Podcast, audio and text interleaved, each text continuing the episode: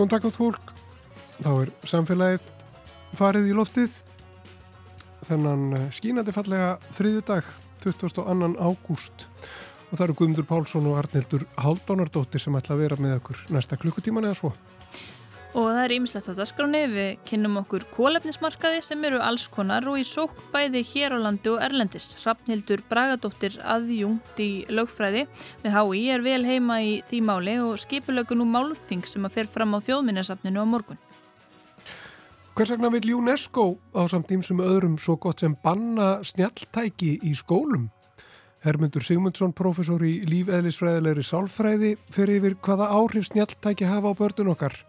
Hvað gerist raunverulega í heilunum á þeim við nótkunn slíkra tækja og hvernig best er fyrir kennslusamfélagið og foreldra að bregðast við í ljósi nýjustu rannsókna. Fanni Birna Jónsdóttir allar að ræða hann hér á eftir. Og í lok þáttar ætlum við svo að hlusta á pistil frá Páli Lindahl umhverfis sálfræðingi. Þetta er endur tekinn pistil frá síðastlinu hausti en Pál mætir hér með glænýja pistla frá og með næsta þriðjudegi. En við byrjum á viðskiptum með kólefniseiningar.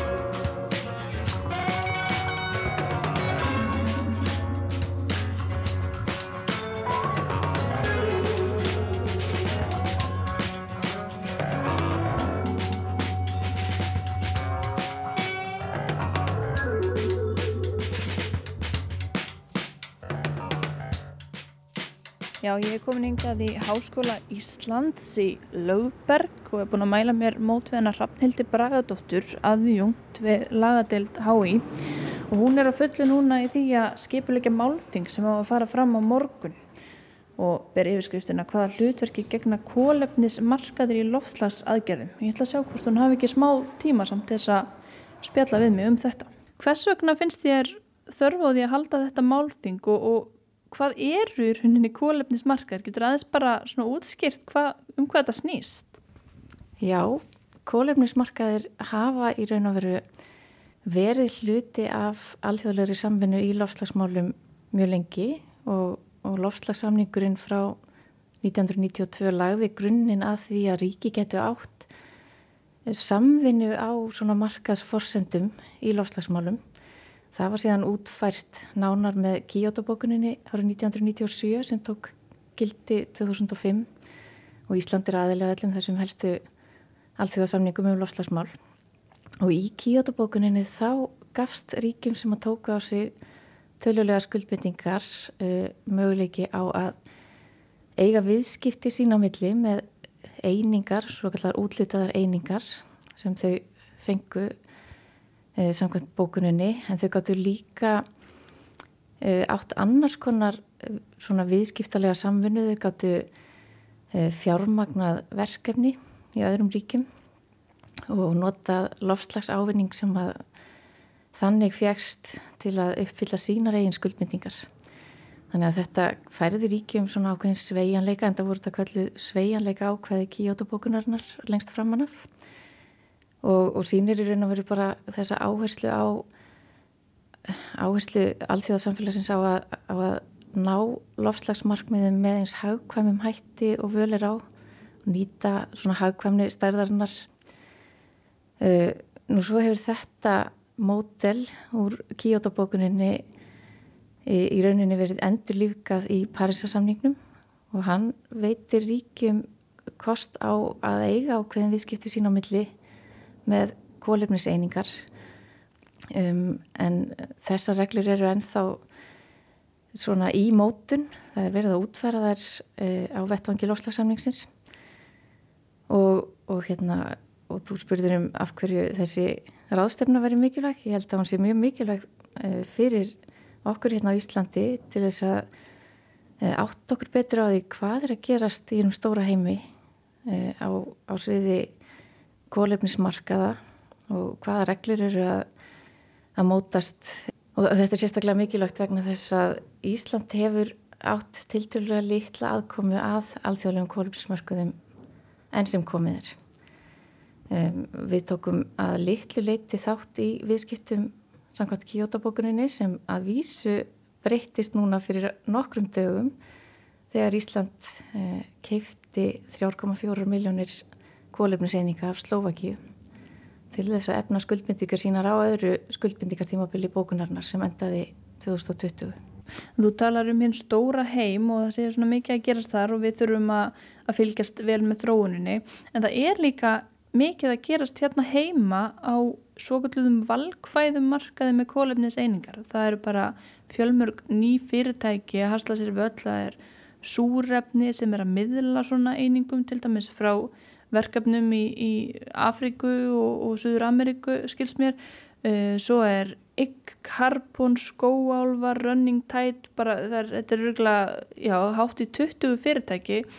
Þessi markaður, hann verður líka eitthvað til umfyllunar á málþingin og morgun, ekki? Jú, mikið rétt.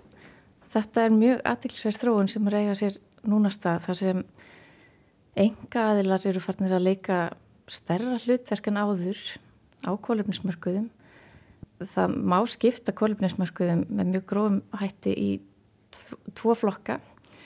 Og það er annars vegar kólefnismarkaði sem verða til á grundvelli laga eða á grundvelli alþjóðasamninga og er stýrt og, og er undir yfir stjórn einhvers, eh, einhvers miðlags eh, apparat eins og til dæmis lofslagssamningsins, eða skrifstofu lofslagssamningsins eða þá Evrópusambandsins. En, en svo er hinflokkurinn þessi valkvæði markaður sem byggist að miklu leiti á enga framtæki byggir ofta því að, að fyrirtæki setja sér markmið í lofslagsmálum, markmið til dæmis um kólefnislýtleysi og náð því markmiði að hluta til með því að kaupa kólefniseiningar og við sjáum ímest dæmi um það á Íslandi núna að áhugin er vaknaður á að taka þátt í slíkum viðskiptum. Nýlega bara núna á þessu ári þá voru gefnar út fyrstu vottuðu kólumninseiningarnar á Íslandi. Eh, en að vísu hafa viðskipti með kólumninseiningar verið stunduð hérna í nokkur ár. Við þekkjum dæmi um það kolviður og votlendisjóður til dæmis. Og umgjörðin um þetta, hún hefur verið gaggrínd, loftslagsráð hefur gaggrínd að hún sé svona ekki nógu góð og, og svona mögulega hætta á, á tvítalningu eða einhvers konar grænþvotti. Og núna bara síðustu ár þá hefur verið mikið þróun, það er komin svona loftslagsskrá uh, sem að fyrirtæki geta skráð verkefni í og svo er komið eitthvað sem heitir tækni forskrift frá staðlar á því Íslands sem að fyrirtæki geta þá stuðst við og fengi þá einhverja alþjóðlega vottun á sín verkefni og, og þannig að það er svona ljómar eins og, kröfunna sé eitthvað aukast en var þetta kannski bara algjört vilt að vesturs ástand hérna áður þess að hver og einn gætt bara farið út í skó, planta trí og sagst var kólumni sefna sig? Já, það er rétt að loftslagsráð uh, gaggrindi það í áliti fyrir erfáum árum að, að það vantaði gagnsægi og, og og meiri trúverðuleika á markað á Íslandi með kólumseiningar og í kjölfarið á því þá uh, spruttu upp þessi, uh, þessi verkefni sem að þú minnist á.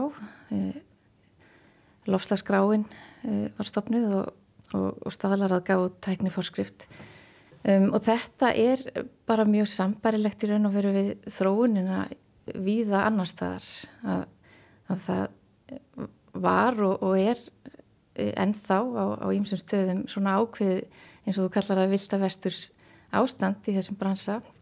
Það var mjög aðtiklisverði þáttur hjá John Oliver fyrir tveimur árum cirka eh, þar sem hann fór yfir stöðuna í, í, á valkvæðamarkanum í, í bandaríkjanum og, og gerði einmitt þetta sem að þú nefnir, hann bara stopnaði sjálfur sitt eigið uh, lofslagsverkefni og gaf út einingar og seldi þær og komi ljósa það voru ekki miklar fyrirstöður. Kanski tækifæri í þessu bara?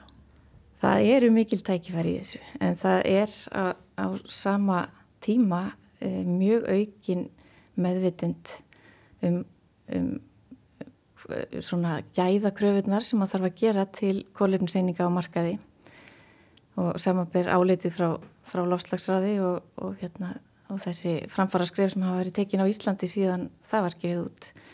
En er einhverjar kröfur gerðar um að fyrirtæki fylgi þessari, þessari tækni fórskrift? Þegar maður sér að það verðist vera svona þróun í átt til aukina krafna og aukina gæða og, og meira eftirlits og, og svona.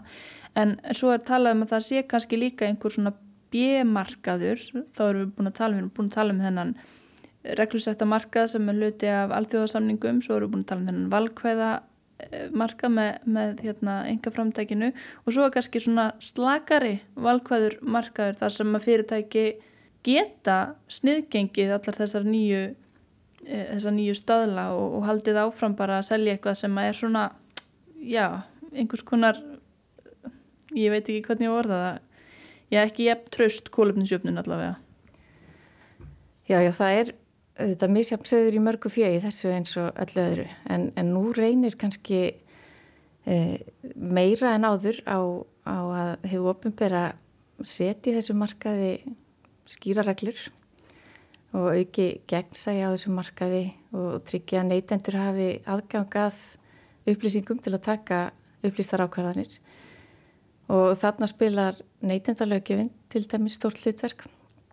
Og, og við höfum nú séð jáfnvel hérna á Íslandi dæmi um að e, neytenda yfirveld skipta sér af því þegar e, fyrirtæki gefa út yfirlýsingar um, um kólefnins hlutleysi sem þau geta ekki sínt fram á með gögnum og í samræmi við viðkjönda aðferðafræði.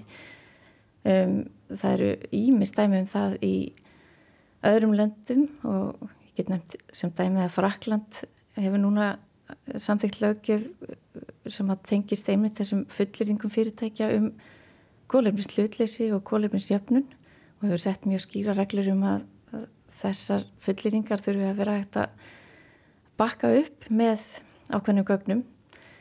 Nú og svo má líka nefna þróun sem hefur orðið í, í lögjöf uh, Evrópusambandsins og reyndar víðar í heiminum um, um upplýsingagjöf fyrirtækja. Uh, fyrirtæki þurfa að fara eftir samrændur reglum og, og, og svona viðurkjöndum uh, stöðlum uh, þegar þau lýsa yfir ákveðnum árangri í umhverjus og lofslagsmálum og það er alveg fyrirsjámanlegt að það verði mun meira utanumhald að hálfi eins og ofinbera. Já, stjórnvöld hérna, það er búið að stopna starfshóp sem á eitthvað að skoða þessa kólfinsmarkaði en þau hafa kannski ekkert skipt sér neitt sérstaklega mikið að þessu hingan til. Hafa þið verið svolítið sofandi eh, á meðan að þróunin hefur verið svona hröð? Já, ég held að það sé nú bara gömulsaga og nýja að stjórnvöld eru kannski stundum skrefinu og eftir enga eh, framtækinu og, og jú, það hafa vissulega verið stundu viðskipti hérna á Íslandi með kólefniseiningar sem, eh, sem eru ekki vottaðar af, í sambræmi við, viðkjönda aðferðafræði um, og, og full ástæða til þess að um, skoða það hvernig er hægt að, að tryggja trúveruleika markaðarins um, koma í veg fyrir grænþvott, koma í veg fyrir að, að kólefninseiningar séu tvítaldar. Og, og starfsópurinn sem var skipað núna fyrir þessu ári e, á að mér skilst að, að leggja svona grunninn að stefnum mútin stjórnvalda bæði varðandi þennan valkvæða marka og svo eins hvernig Ísland sem þáttakandi í alþjóðlegu samstarfi hyggst nýta markaði, alþjóðlega markaði e, í sinni stefnumótin og til að ná kólefni slutleysi Íslands árið 2040.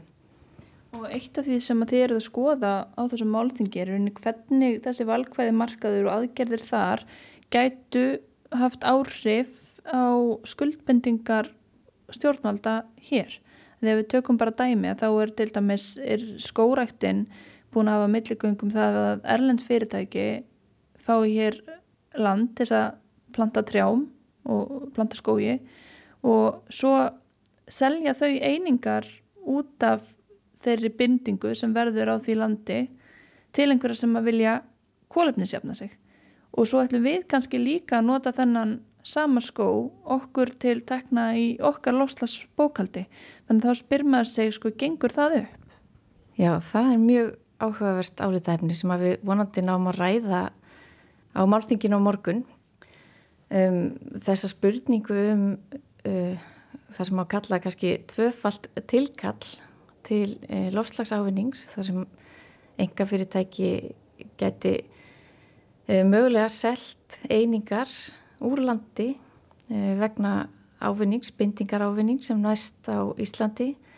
En Íslenska ríkið er kannski á sama tíma að nota þennan ávinning til þess að ná sínum lofslagsmarkmiðum og þetta hefur nú verið uh, rætt meðal annars í, hérna, í fyrirspurnum á alþingi uh, þar sem hefur komið fram að, að það er ekki það er ekki beint tengsl á milli valkvæðamarkaðarins og, og sölu kólumseininga úr landi á milli enga aðila og, og síðan losunar bókalds Íslenska ríkisins þannig að það er fjarrið því að það sé átomatist að þetta drægist frá um, eða drægist einhvern veginn úr losunarbókaldi Íslands þó að enga aðilar myndur selja svona einingar úr landi.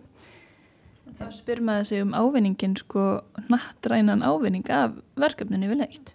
Já, já, einmitt og það er eitt af því sem hefur verið rætt mjög ítalega á vettvangi lofslagssamningsins og aðeldaríkja þing Parísarsamningsins hefur samþygt og útfært og er í raun og veru ennþá að útfæra reglur um, um um svona bókalds bókaldsliðina á þessum málum. Uh, þessir, þessir kólumnismarkar, það er talað um að við þurfum alls konar lausnir við, við loslasvandanum og markaðurinn er, er hluti af, af þessari lausna flóru eða þessar markaslausnir en núna finnst mér svona, svona vera, þú veist að tala um líf, hagkerfi, allt í henni fólk sem búið að vera sko í fjármálageiranum kannski fjölda ára komið inn í þetta og sér, sér svona viðskipta tækifæri í þessu.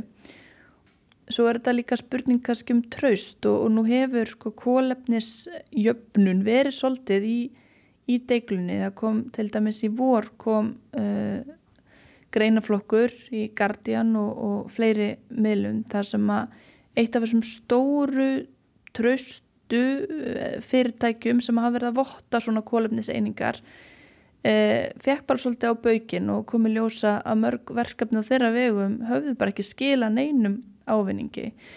Þannig að maður svona spyr sig sko er verið að taka þetta viðskiptavæði þetta, gera þetta svolítið flókið og óaðgengilegt fyrir almenning og, og, og þá í þeim tilgangi að, að kannski uh, umbreytingin sem er framöndan verða á forsöndu markaðarins og verði svona sem sársöka minnst fyrir þau.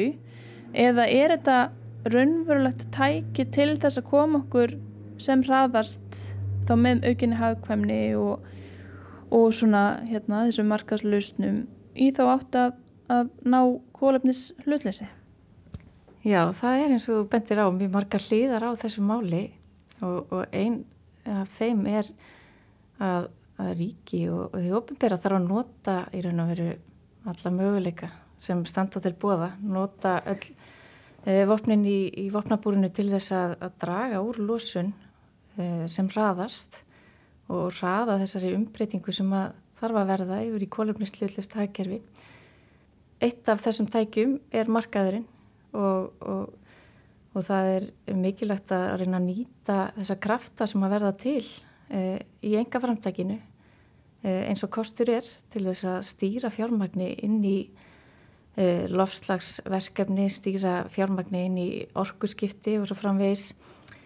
Eh, en um leið að sjálfsögðu þarf að, að gæta því að, eh, að þetta, þessi verkefni og, og, og, og þessir markaðir sem er að verða til með kólefniseiningar feli í sér um, raunverulegan lofslagsávinning um, það sé komið í veg fyrir uh, að að einhver fyrirtæki uh, stökk við á tækifæri uh, til þess að, að stunda grænþvott selja falsaða vöru eins og eins og ímestæmi eru um þannig að því ofinbæra gegnir að mínum að þið mjög mikilvægur hlutverki að, að tryggja svona ákveðin ramma utanum uh, þetta enga framtak en, en um leið að, að styðja við það og, og og, og til að mynda nýta uh, fjárfestingar vilja uh, engagerans til að skala upp mikilvægar lofslagslausnir. Já, þetta er, þetta er svona markaður í, í mótun og, og marg sem á eftir að skýrast og, og svona rauk með og móti kannski. En hvað er það sem þér finnst svona mikilvægast að, að setja staðar til þess að þetta sé eitthvað sem hefur lofslags ávinning í, í förmessir? Eitt af því sem er mikilvægast að þessu markaði það er að, að, að tryggja að fjármagnir sem að rennur inn í lofslagsverkefni fyrir tilstilli valkvæða kólumnismarkaðarins renni til verkefna sem hefðu ekki átt sér stað hvort sem er. Og þetta er kallað viðbótarkrafan og, og er mikilvægt til þess að um, tryggja í raun og veru að ríki sé ekki að, að, að fá enga aðeila til að fjármagna verkefni sem þau hefðu hvort sem er þurft að fara í til að ná sínum lofslagsmarkmiðum og það má alveg velta þeirri spurningu upp því að ríki hefur sett sér mjög metnaðarfull lofslagsmarkmið eins og Ísland sem ætlar að verða kólefnisliðlust árið 2040 og sama tíma e, fasa út e, jarðarnælsneiti e, hvort það sé yfir höfuð sveirum til þess að fara í miklar auka aðgerðir. Þú kannski þá mikilvægt er að að setja mjög skýra reglur um, um þessa viðbót og hvað telst raunverulega viðbót og skilgarina það. Ég sé alveg að það geti verið mjög flókjað því að hvað er viðbót er svolítið loðið til þess að byrja með. Já, það er einn stærsta áskorunin, það er að skilgarina þetta viðmiðunar ástand og það er það sem að þessi stóru vottunaræðilar út í heimi eru að kljást við núna hvað e, á að leggja til grundvallar að hefði gerst e, án þessara verkefna og þar þarf að taka inn kannski fleiri þætti en áður það þarf að skoða stefnu viðkomandi ríkja hvað er nú þegar búið að fjármagna um, og, og við hverju hefði mátt búast í, í ljósi markmiða ríkisins. Það verður áhugavert Excel-skjál. Hérna, klukkan hvað verður málþingi á morgun? Málþingi hefst klukkan nýju í fyrramálið. Það verður í, í fyrirlestrasal þjóðminnarsefnsins og það er tvískipt í fyrsta hlutanum nýju til tólf eh, verða erlendi sérfræðingar og einni Haldur Þorkísson eh, formaður lofslagsraðs sem munu fara yfir svona stöðu og, og horfur á alþjóðlegum kolumsmörkuðum og, og, og tengja e, þróunina á, á þessum mörkuðum samkvæmt Parísarsamningnum og öðrum alþjóðlegum mörkuðum við e, valkvæði kolumnismarkaðina. Og svo í e, setni helmingnum eftir hátti þá verða e, tvö erindi frá, frá íslensku sérfræðingum og síðan pallborðsumræður bæði fulltrú á hens ofinbera og atvinnulífsins. Ok, takk fyrir spjallið. Takk sem leiðis.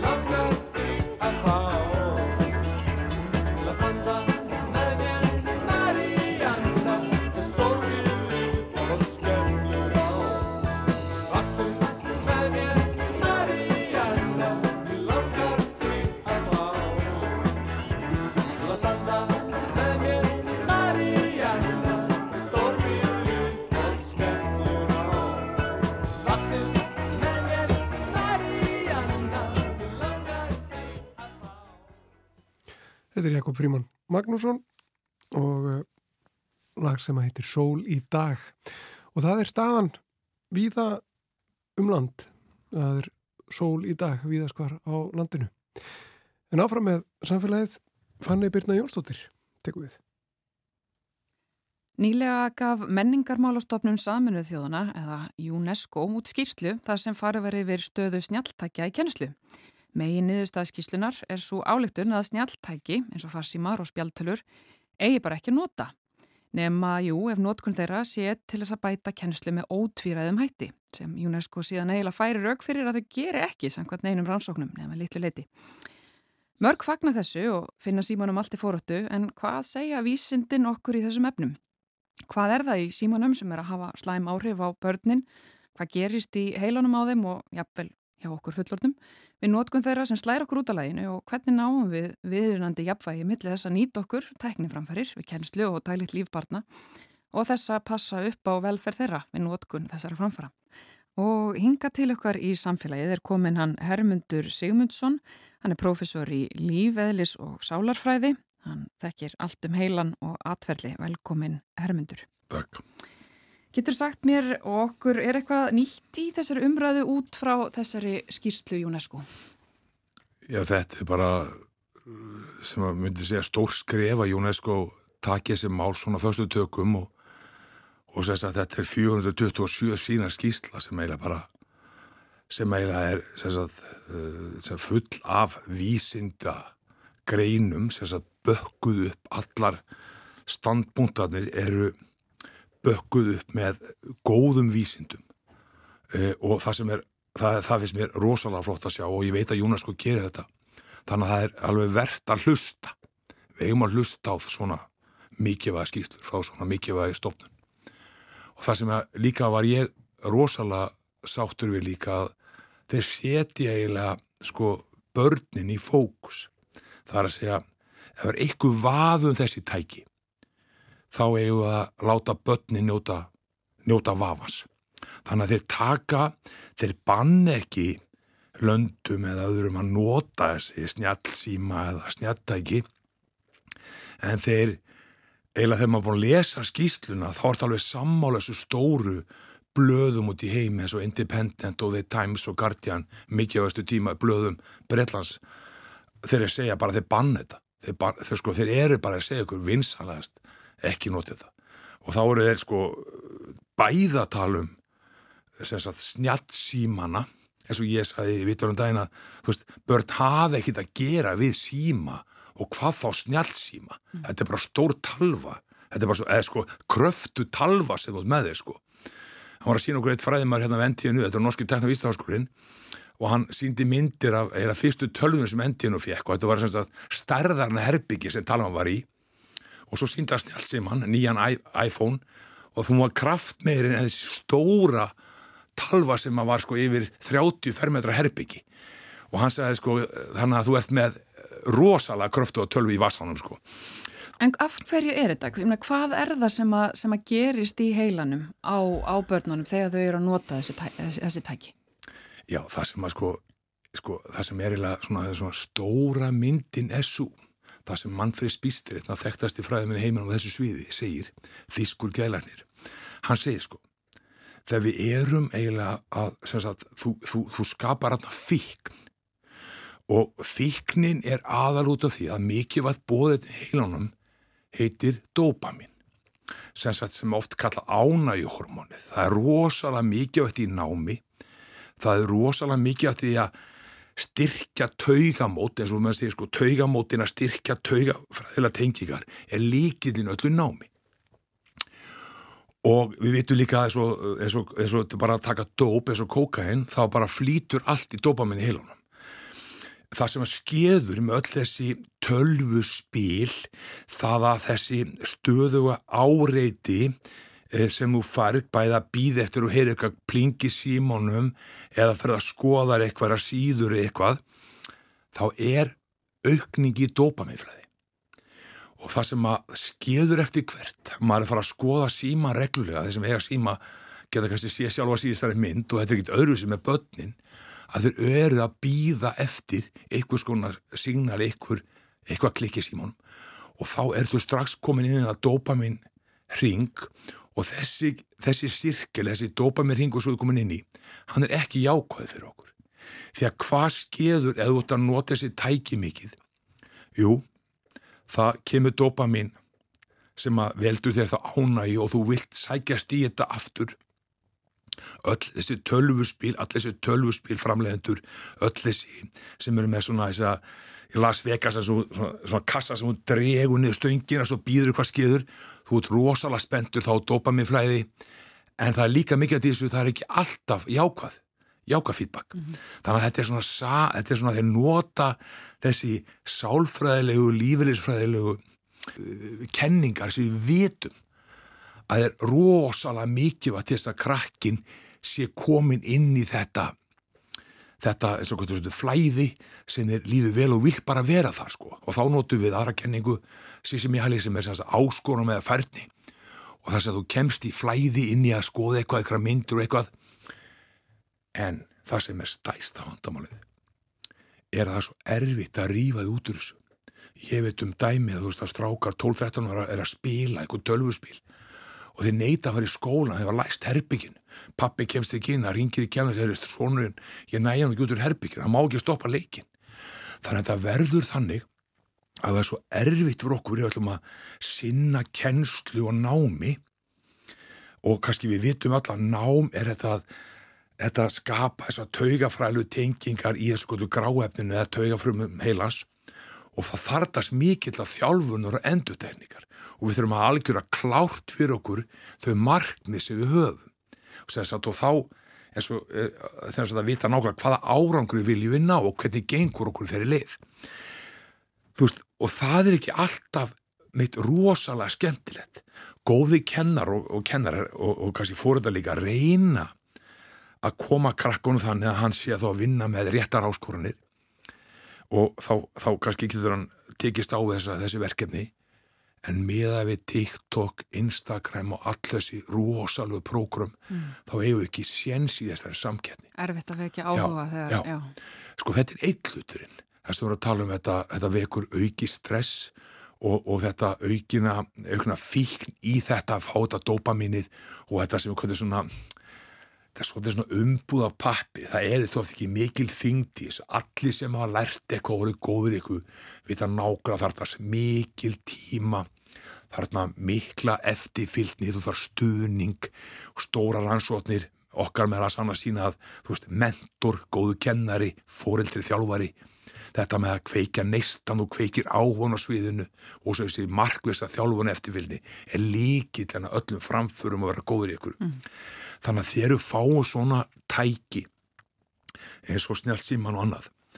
Og, og, og stundum eins og kennar að segja með svo erfitt er að fara í þessi hérna iPad-ana eða snjált tækin að það er svo erfitt að vita hvað krakkan er að gera. Því oft eru, oftast eru tengt í neti og þá eru kannski komnir inn í strax eitthvað sem er meira áhugavert en það svo þetta að vinna með. Þannig að það er stæst áskorun eins og í kennslunni bæða að nota þetta rétt inn í það sem þau markmið sig vilju ná og jættil þá líka að fylgjast með krökkunum mm. í þessu rosalegri samkeppni og svo er að þessum menn alltaf að segja þá þess að kemur rosalega stert fram í UNESCO skíslunni það bæði þessi beina kennsla þessi þú ert með kennara sem er að fylgja þér eftir. Þú veist, þeir eru að segja fyrir tökur svo til varlega með þessa fjarkest alla. Því að það er ekkert sem er jafn gott og þessi face to face það er að segja andlit, andlit, kennsla og eftirfylgni. Og þessi tala svo mikið líka um humanity. Mm, þessi tenging. Já þessi tenging, það er bara líkillin í öllu og líka það sem er svo rosalega stert í innverðska skýslunni það er þessi velliðan þú veist, um aldrei setja velliða barna á hættulegt svið, sem aldrei koma þeim út úr þessu, það sem velliða þeirra á honum 1, 2 og 3. Mm. Maður sér viðbröðin uh, að langmestuleiti bæða hálfu fræðimanna eins náttúrulega bara foreldra í íslensku samfélagi er þessu fagnað sem ykkur sem að, sem að bæði kennarar og eins foreldrar vilja fá uh, svona kannski aðstóð við frá kerfinu að, að takmarka minnstakosti þessa nótkun barnana þeirra En er þetta umdilt meðal fræðimanna eða er þetta bara í rauninni staðfest eitthvað eitthvað sem að stjettin hér á landi er almennt búin að vera sammálum í lengri tíma? Sko, alþjóðlega, þú veist, ég tala við framúskarði vístamenn bara í, mínu, mínu, í mínum háskóla, sko. Sko, alþjóðlega er ekki spurning, við horfum alltaf, sko, góðir fræðimenn, þeir horfa alltaf á góð vísindi. Það sem eru byrt í góðum tímarötum, við, viðökjöndu tímarötum og sem sína fram á að nota þessa aðferð gefur jákvæðan árangu bæði fyrir nám og ekki minnst það kemur ekkert niður á batninu sin líðan þegar við notum þannig vísindi. En það er náttúrulega rosalega margir svo í Íslandi hérna til þess við höfum verið allt of, eins og ég er búin að segja, 20 ár notum fremstu vísindin inn í skólana. Við verðum að gera þetta í heilsunni og það má ekkert vera eitthvað fjárastlur ávinningur eða neitt sem trubla mig frá því að velja fremstu vísindin. Ég á alltaf að setja börnin í fókus og fremstu vísindin og það gerir UNESCO svo vel en við erum með fólk sem er búið að setja allt sitt, sína mentun annað í þetta að það sé opbóslega mikilvægt en ef við notum þetta að nota snjalltæki við gennslu og annað, en ég sé bara sínið okkur þá fram á árangusmælingar sem eru byrtar í góðum tímaritum sem sínir að þetta hefur gefur jákvæðan árangur mm -hmm. fyrir sér bara íslensku kjenslu eða stærfræðkjenslu og kom ekki nýra á velja að batna ég byð bara um það.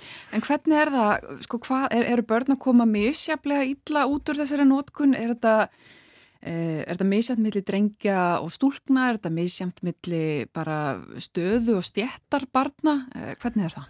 Það er mjög góð búndið þar. Sko, það er alltaf þannig að stað og stjættu ekki að segja. Sko, og það er líka í UNESCO-rapportum sem ég er rosalega ánað með því að eins og í Vestmannaverkjum og Karkveikjunistan þá erum við að reyna að lifta öllum án þess að hugsa um stjætt og stöðu. Við ætlum að lifta öllum í skólunum. Að hvað sína norskar rannsóttir? 30% af fólki, fóröldurum, er ekki að hjálpa batinu sín skólunum. 38% meina það ekki kunnáttu til að hjálpa með 8. og 10. bekk, með starffræðina, náttúrufræðina, með íslensni, með norskuna. Þannig að, og það eru örglega ekkit óleika tölur heima, við erum ekki með þessa tölur. Þannig að við erum alltaf með börn sem fá ekki þennan stuðning heima fyrir þessu kollum ringur eitt þá verður samfélag og skólinn að hjálpa þeim til þess að takast á við réttar áskon og hjálpa með réttar brötir. Þannig að klárlega kemur fram í skýslunni að nota snjáltæki, nota snjált síma, síma allt þetta, kemur vest út fyrir þá sem er erfiðast heima fyrir. Þannig að það tengist í algjör að klárlega. Fyrir strák og stelpur, strákar tækla betur þessa, þessa leiki Playstation og allt sem við köllum þetta, þá eru strákar að koma á, veist, það er ekki mikil áhuga þeirra andlegu helsu. Við vitum hins vegar að Instagram, TikTok og þessar veitur er að skapa vanlega hjá sérstaklega stúlkum, unglingstúlkum, fyrst og fremst. Og það sem er málið er að við vitum það að þetta er frá 1890 kenning, William James, hann var búin að sína fram á það að þín sjálfsmynd, þú ert með ákveðna hugmyndu þína sjálfsmynd og hvað þú stendur. Þannig að þessi snjálfsímar og tæki og Instagram allt þetta er alltaf að segja okkur hvernig aðrið eru. Þannig að ef þeirra gapið verður starra mellið þinnar sjálfsmyndur og hvað þú heila vilt vera og hvað hinnir eru að þínum að þið því starra gap því minni sjálfsmynd. Og þetta hafa menniður að segja þessi eina ástofa fyrir að Instagram notkun til dæmis kemur svona illa niður á stúlkum og við erum með þeirra landi í heiminum þar sem að mest notkun af snjálfsým og tækjum bara í, í, í, í þjófélaginu og við erum líka held ég með Európa með í geð, geðlifsnokkun fyrir úningstúlkur þannig að við verðum að skoða okkur og setjum vísindin hann í farabróti ég er að tala um góðvísindi, ekki einhverja skýslur og kannanir hérna gerðar sem að við vitum ekkert hvernig aðferði var að var notuð eða hvaða heimildir maður notið þess að vísindum notum vísindi sem útgangspunkt og, og, og látum börnin njóta vafans, það er svona það sem ég sá út úr skýslunni mm. og búin að lesa skýslu alveg fram og tilbaka og verið spurður heilmikið um hana. Svona rétt í lokin, hvað standa Íslensk stjórnvöld og menta yfirvöld í þessu málum? Erum við með eitthvað stefnu þegar kemur að þessu og bara svona þessu í buri í lokin, hvað, hvað er til ráða? Hvert er næsta skref? Sko ég hef sagt það líka og sagt að við, ég búin að tala hitt að þetta er 5-6 mentamáráður á þessu 20 árum og ég hef bara sagt býtu við verðum að setja skýrar í markmið og, og, og, og við erum svolítið með ránga stefnu um hvernig við, við hefum að vinna með einsta hluti og sérstaklega keirin í skólana hluti sem ekki eru stuttir að fremstu í vísindunum og ekki heldur stuttir með okkar eigin árangusmælingum. Við erum glemdum árangusmælingum Við glemdum eftirfylgni í skólunum og þetta var fyrst og fremst mentamála yfirvalda að laga þessa stefnu og byggja hana þá fremstu vísutum eins og við fengum í heimsótt fremsta fræðum að finna nú í vor komið það, segi frakka Stanistaf Dahenni 660 alþjóðlega vístöfrinar hann kom ekki á hætti fyrirstöðum bara um hvernig börn og læra. Og hann sagði okkur það er engi mismunur á strákum og stúlkum með hvað þau geta lært og hvena geta lært. Þannig að 6 ára strákar eiga alveg geta lært að lesa eins og stúlkur. Og svo sér það líka, þegar við fórum að spyrja hann um hvernig þetta er í Fraklandi með skjánolkun, hann stjórnar, hann leiðir útval eða ráð að fremstu výstumennu Fraklands sem er ráðkjað fyrir fransku ríkistóttina. Þeir bönnuð stjálfsým í skólum. Þá voru vísindi og hann nefndi líka með þrjú erfi dæmi sem að fólk sagði ekki neitt, það voru all sammála. Já, við bönnum við það. Og þá er þetta að banna þetta á skóla tíma og líka bara við notum common sense, ég segi stundum almenna skinnsemi þú veist, þá er, er hægt að ná í börnin á skólaskristofunum og þú getur ringt þaðan eða eitthvað sem bjátar á. Þannig að þau þurfi ekki tíman eða síman á skólatíma. Og þessi fræðum sem ég tala við og skoða þeir segja 14 ára. Ég segja þegar út femtur getur fengið snjálfsíma enga vegi fyrr. Þú getur fengið gamla Nokia hérna með bara ringt og sendt SMS kannski þegar þú orðið kannski tí ára en engan veginn fyrr. Já, þetta voru öruglega góð skilabóð fyrir eitthvað fóröldra sem er að hlusta. Takk kærlega fyrir komuna í samfélagið Hermundur Sigmundsson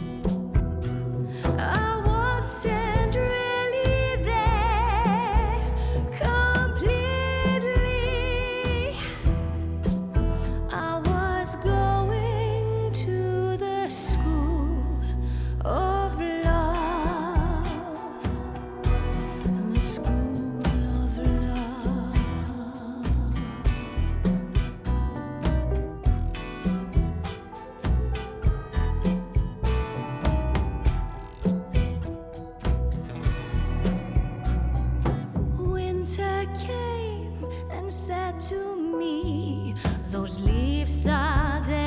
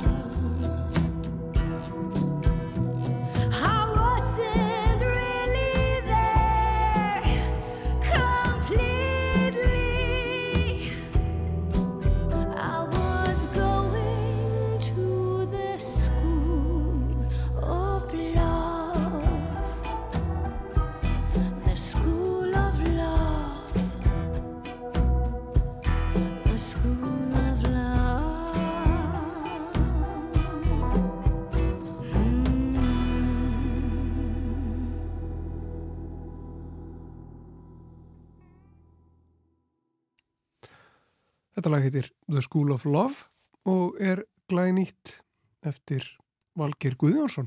Og þetta lag er samstagsverkefni Valgirs og Völu Eiríksdóttur sem söng þarna og glöggir hlustendur hafa nú líka kannski heyrt Valgir syngja þarna með. Uh, hans rött verð nú ekki á milli mála og allir þekkja hana vitaskuld. Og þetta lag er hluti af Saga Músika sem er verkefni hjónana Valgir Guðjónssonar og Ástu Kristrúnar Ragnarstóttur. En næst ætlum við að heyra í Páli Líndal, umhverfis sálfræðingi. Herra minn, niður með fæturna. Vörðurinn gekk ákveði í áttina mér og bandaði með hægri hendinni til að leggja frekari áherslu á orðsín. Já, þú aðna, niður með fæturna. Já, það var ekki leifilegt að kvíla lúnafætur upp á stifta bekknum í hinnum fræga Parkuelgarði í Barcelona. Þessi stifti bugðulega bekkur myndar framhlið opin svæðins í miðjum gardinum sem kallaði er hið gríska leikús. Frá gríska leikúsunu er glæsilegt útsinni yfir Barcelona borg og út á miðarahafið. Að láta mynda sig á bekknum býður því upp á afskaplega fallegan bakgrunn og þess vegna er steinstifti bekkurinn sérlega vinsæl staður til ljósmyndunar. Og það var einmitt af þeirri ástæðu að ég satt á bekknum. Ég hafði rétt nýlokið fyrirsætustörfum í septembersólinni og 30 gráðu hitta. Þegar ég ákvað að láta örlíti líða úr fótonum meðan ég var að spá í þetta magnaða umhverfi og þennan snildarlega hannaða steinstifta bekk. Ég setti fæturna upp á bekkin, kom mér þægilega fyrir og tók að virða fyrir mér hlutina. En svo gæðastund varð stutt af þeirri ástöðu sem fyrr hefur í greint frá. Það er ekki alveg vitað hvort hinn frægi arkitekt Antoni Gaudi sem hannaði Parkveigarðin hafi verið með hausin ofan í umhverfis og félagssálfræði þegar hann hannaði þennan bekk. En hvort sem hann var það eða ekki, þá er bekkurinn snildarlega hannaður í sálfræðilegu samhengi. Bugðurnar bjóða nefnilega allt eftir því hvar setið er upp á aðstæður sem hveta til samskipta eða aðstæður sem leifa manni að vera útaf fyrir sig. Það er nefnilega mikilvægt að huga að koru tveggja þegar að kemur að því að hanna gott umhverfi. Við þurfum hönnun sem stuðlar að saminningu og við þurfum hönnun sem stuðlar að aðskilnaði eða því sem á enskri tungu er kallar sociofjúkal hönnun. Nú til dags er okkur nokkuð tamt að hanna umhverju okkar með þeim hætti að það íti undir félagsli samskipti. Slíkt er vissulega gott, en það er samt ekkit betra en hefði gagstæða.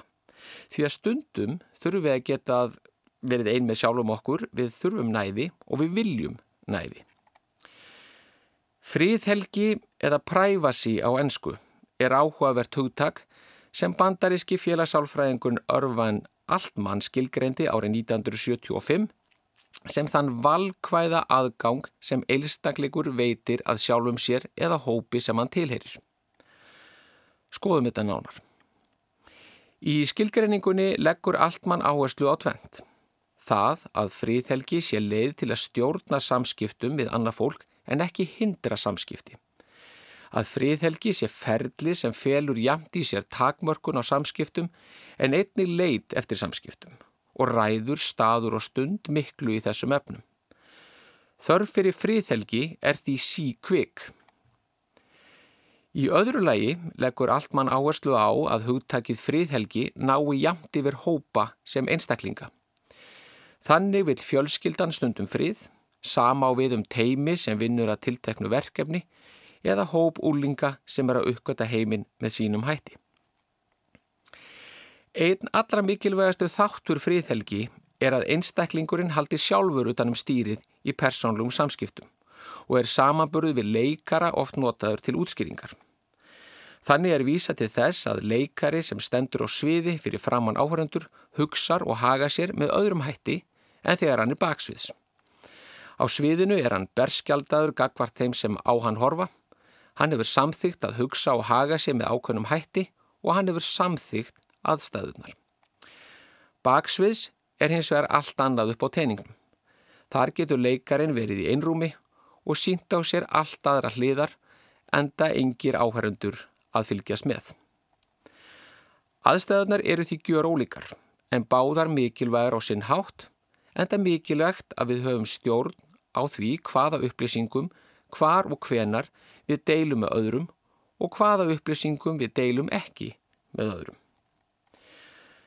Þó maður sem mann skaman og mikilvægi félagstæra samskipta seint ofmetið, þá hefur fríðhelgin og það að njóta innveru margvíslega kosti í förmið sér. Sem dæmi er hún mikilvægur þátt í, í frelsu okkar því að þegar við njótum hennar getum við hugsað og hegðað okkur án utan á komandi afskipta.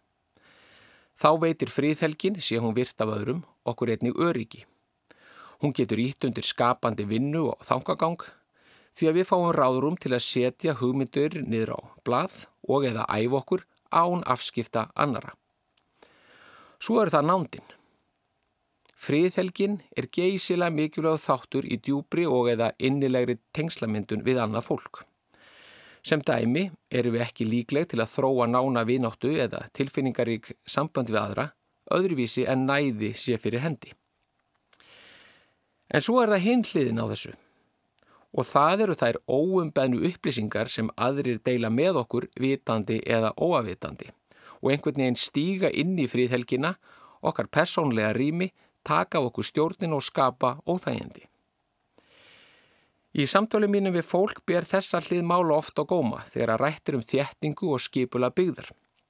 Því víða eru hlutinir með þeim hætti að nándin við nágranna er slík að minnsta reyfingi næstu íbúð fangar aðtiklina og sumir sé að skita talið seriósringina í skálunum þegar að nágranna fjölskyldan fær sér morgumat.